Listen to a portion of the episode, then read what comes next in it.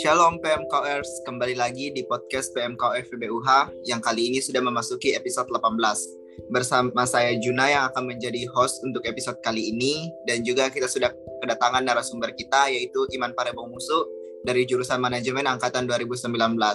Mungkin langsung saja saya sapa. Shalom Iman. Shalom Juna. Pada episode kali ini uh, kita akan mengangkat suatu topik pembahasan yaitu komunitas rohani. Mungkin langsung saja kita akan berbincang kepada narasumber kita. Sebagaimana kita tahu bahwa komunitas rohani ini merupakan salah satu komunitas yang ada. Mungkin banyak dari pendengar podcast ini yang belum mengetahui dengan baik terkait komunitas rohani. Mungkin Iman bisa menjelaskan sedikit secara singkat gambaran terkait komunitas rohani ini. Ya, uh, terima kasih. Untuk komunitas rohani sendiri kita harus maknai dulu bahwa komunitas rohani itu tidak terdekat yaitu komunitas dan rohani jadi kita harus pahami dulu apa itu komunitas dan apa itu rohani dari KBBI sendiri komunitas itu berarti sebuah kelompok organisme yang hidup dan saling berinteraksi di dalam daerah tertentu. Ada lagi satu pendapat yang saya ambil dari M. Similian dan Chapis mengatakan bahwa komunitas merupakan kumpulan dari para anggota yang memiliki rasa saling memiliki terikat di antara satu dan lainnya dan percaya bahwa kebutuhan para anggota akan terpenuhi selama para anggota berkomitmen terus bersama-sama. Jadi dari dua definisi ini kita dapat menarik kesimpulan bahwa komunitas itu adalah sebuah kumpulan dari beberapa orang yang saling memiliki keterikatan di dalamnya. Kemudian kita lanjut kepada rohani. Rohani itu berbicara tentang hal-hal spiritual. Hal spiritual artinya adalah hal yang berhubungan dengan Sang Pencipta. Jadi kalau kita sederhanakan komunitas rohani itu adalah sebuah kumpulan dari beberapa orang yang bertujuan untuk atau berisi tentang hal-hal yang berhubungan dengan Sang Pencipta komunitas rohani merupakan kelompok yang saling hidup berinteraksi yang berorientasi kepada hubungan dengan sang pencipta kita. Mungkin itu sedikit gambaran mengenai apa itu komunitas rohani. Baik, setelah mengetahui uh, gambaran singkat terkait komunitas rohani dari narasumber kita, menurut Iman, kenapa kita perlu terlibat dalam sebuah komunitas rohani? Apakah penting atau gimana?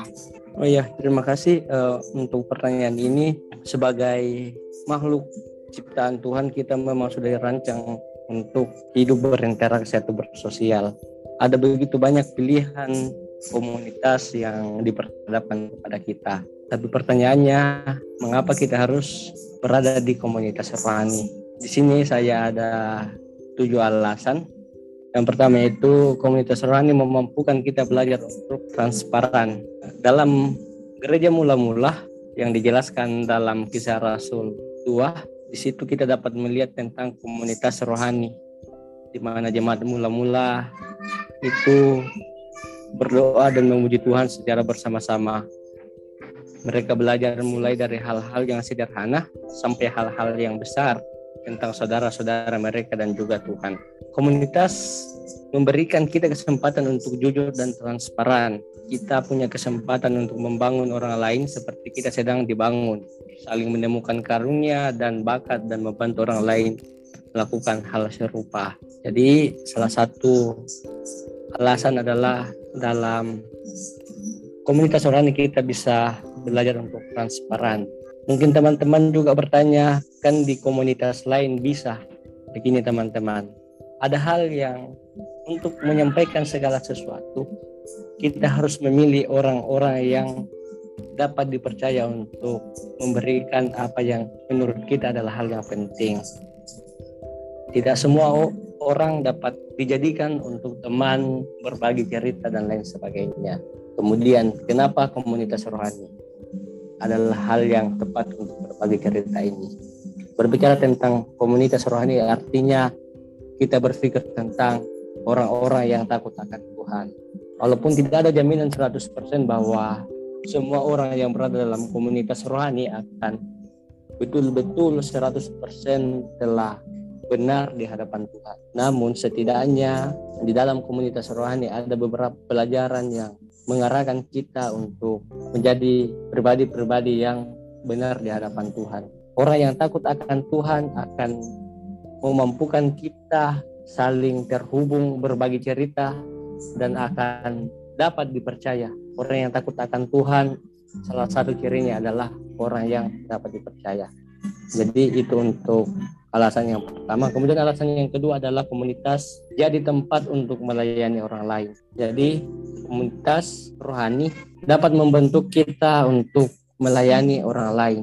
Mungkin dulunya kita yang selalu dilayani, namun setelah kita mengikuti beberapa komunitas rohani setelah kita dibentuk di dalamnya, setelah kita bertumbuh di dalamnya, kita mampu untuk meneruskan itu kepada orang lain. Kemudian yang ketiga, komunitas itu adalah seperti rumah. Ketika kita benar-benar telah dengan sadar dan dengan hati yang betul-betul ingin bertumbuh di dalam komunitas rohani, kita akan merasakan kenyamanan dalam komunitas itu seperti rumah kita sendiri. Yang keempat itu adalah komunitas memberikan kita dukungan. Jadi dalam kehidupan ada saat di mana kita akan menghadapi kesulitan saat dalam keadaan ini komunitas akan selalu ada untuk mendukung kita.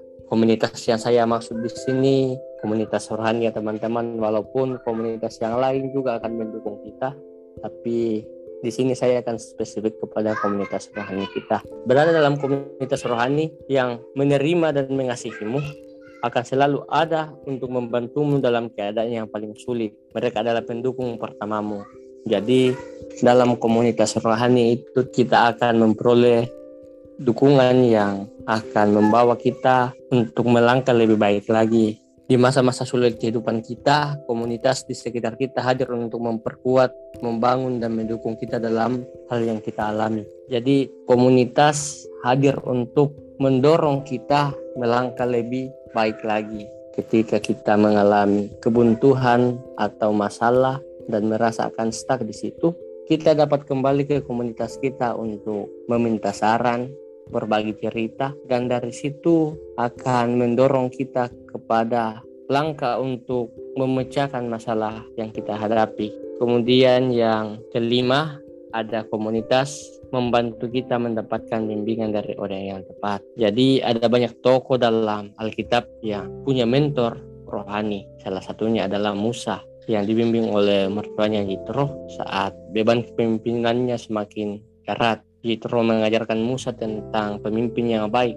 Lalu Musa membimbing Yosua untuk menjadi pengganti kepemimpinannya atas bangsa Israel. Dalam komunitas, kita perlu dibimbing oleh orang yang tepat. Punya mentor rohani membuat kita bisa bertumbuh lebih baik secara rohani. Jadi dalam komunitas itu sendiri, kita akan bertemu dengan orang yang akan membimbing kita ke arah yang lebih baik lagi. Seperti Musa yang mendapat bimbingan dari mertuanya Yitro dan kemudian Musa melanjutkan membimbing Yosua untuk memimpin bangsa Israel. Jadi dalam komunitas rohani kita dapat memperoleh orang-orang yang dapat menjadi teladan buat kita yang akan memimpin kita, mengarahkan kita ke arah yang lebih baik, khususnya ke arah yang benar dan berkenan di hadapan Tuhan. Yang keenam adalah komunitas menjadi cerminan dari Tuhan yang hidup di dalam kita. Kenapa kita harus berada dalam komunitas rohani? Karena Tuhan sendiri yang ber, berinisiatif tentang hal itu. Tuhan menciptakan kita sesuai gambarannya, Tuhan mengasihi kita sehingga dia mengutus putranya yang tunggal, menyerahkan nyawanya supaya kita bisa masuk dalam komunitas orang-orang percaya. Komunitas rohani membantu kita belajar menjadi cerminan Tuhan bagi orang lain. Komunitas adalah cerminan kasih Tuhan yang hidup di dalam kita. Karena itulah kita diciptakan. Kemudian yang ketujuh, komunitas berisi orang-orang yang bisa kita percaya. Ya, seperti yang saya katakan tadi pada poin yang kedua bahwa komunitas rohani berisi tentang orang yang dapat kita percaya. Dalam Amsal 13 ayat 20 berkata bahwa siapa bergaul dengan orang bijak menjadi bijak, tetapi siapa berteman dengan orang bebal menjadi malang. Amsal memberitahu kita untuk membangun hubungan dengan orang bijak daripada orang bodoh. Orang bijak tahu bagaimana mendengarkan dan menepati janji. Mereka tahu bahwa menyimpan rahasia adalah hal yang sangat penting. Karena itulah mereka jadi orang yang bisa dipercaya setiap waktu. Jadi dalam komunitas, selain kita memperoleh orang-orang yang dapat dipercaya, kita pun dibentuk menjadi orang-orang yang dapat dipercaya oleh orang lain. Mungkin itu beberapa alasan mengapa kita harus berada dalam komunitas rohani yang akan membawa kita bertumbuh kepada hal yang lebih baik lagi. Mendengar tadi kenapa kita perlu terlibat dalam sebuah komunitas rohani, uh, saya bisa menyimpulkan beberapa hal karena dalam komunitas rohani ini kita dapat menyembah dan memuji Tuhan bersama-sama. Kita juga dapat berbagi cerita dan saling mendukung bahkan kita dapat melayani orang lain melalui komunitas rohani. Nah, mungkin uh, Iman bisa berbagi pengalamannya saat Iman terlibat dalam sebuah komunitas rohani, baik mungkin itu di PMKO atau mungkin di tempat-tempat lain. Seperti apa yang Iman rasakan saat Iman bertumbuh dalam sebuah komunitas rohani, apa-apa yang Iman bisa dapatkan di komunitas itu. Uh, sedikit berbagi pengalaman dengan teman-teman mengenai komunitas rohani.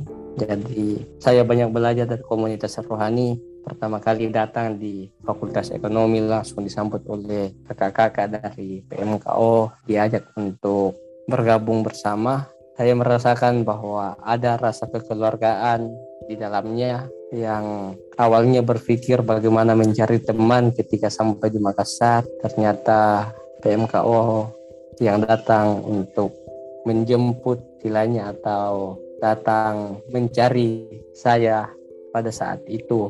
Dan saya sangat bersyukur bahwa saya bisa berada dalam komunitas ini yang terus membimbing saya dan terus mengajar saya untuk bertumbuh PMKO menyambut saya dan menjadi keluarga di buat saya yang terus memberikan bimbingan, dukungan, yang terus hadir sebagai saudara di mana ketika ada kesulitan di situ dapat berbagi bercerita bersama dibantu kakak-kakak untuk memecahkan masalah. Saya sangat bersyukur bahwa saya bisa berada di tempat ini oh, sedikit pengalaman selama saya berada dalam komunitas rohani saya merasakan bahwa komunitas rohani hadir untuk memberikan dorongan hadir sebagai keluarga sebagai tempat untuk tumbuh bersama untuk belajar bersama dan setelah itu dalam komunitas rohani pun akhirnya saya dibentuk untuk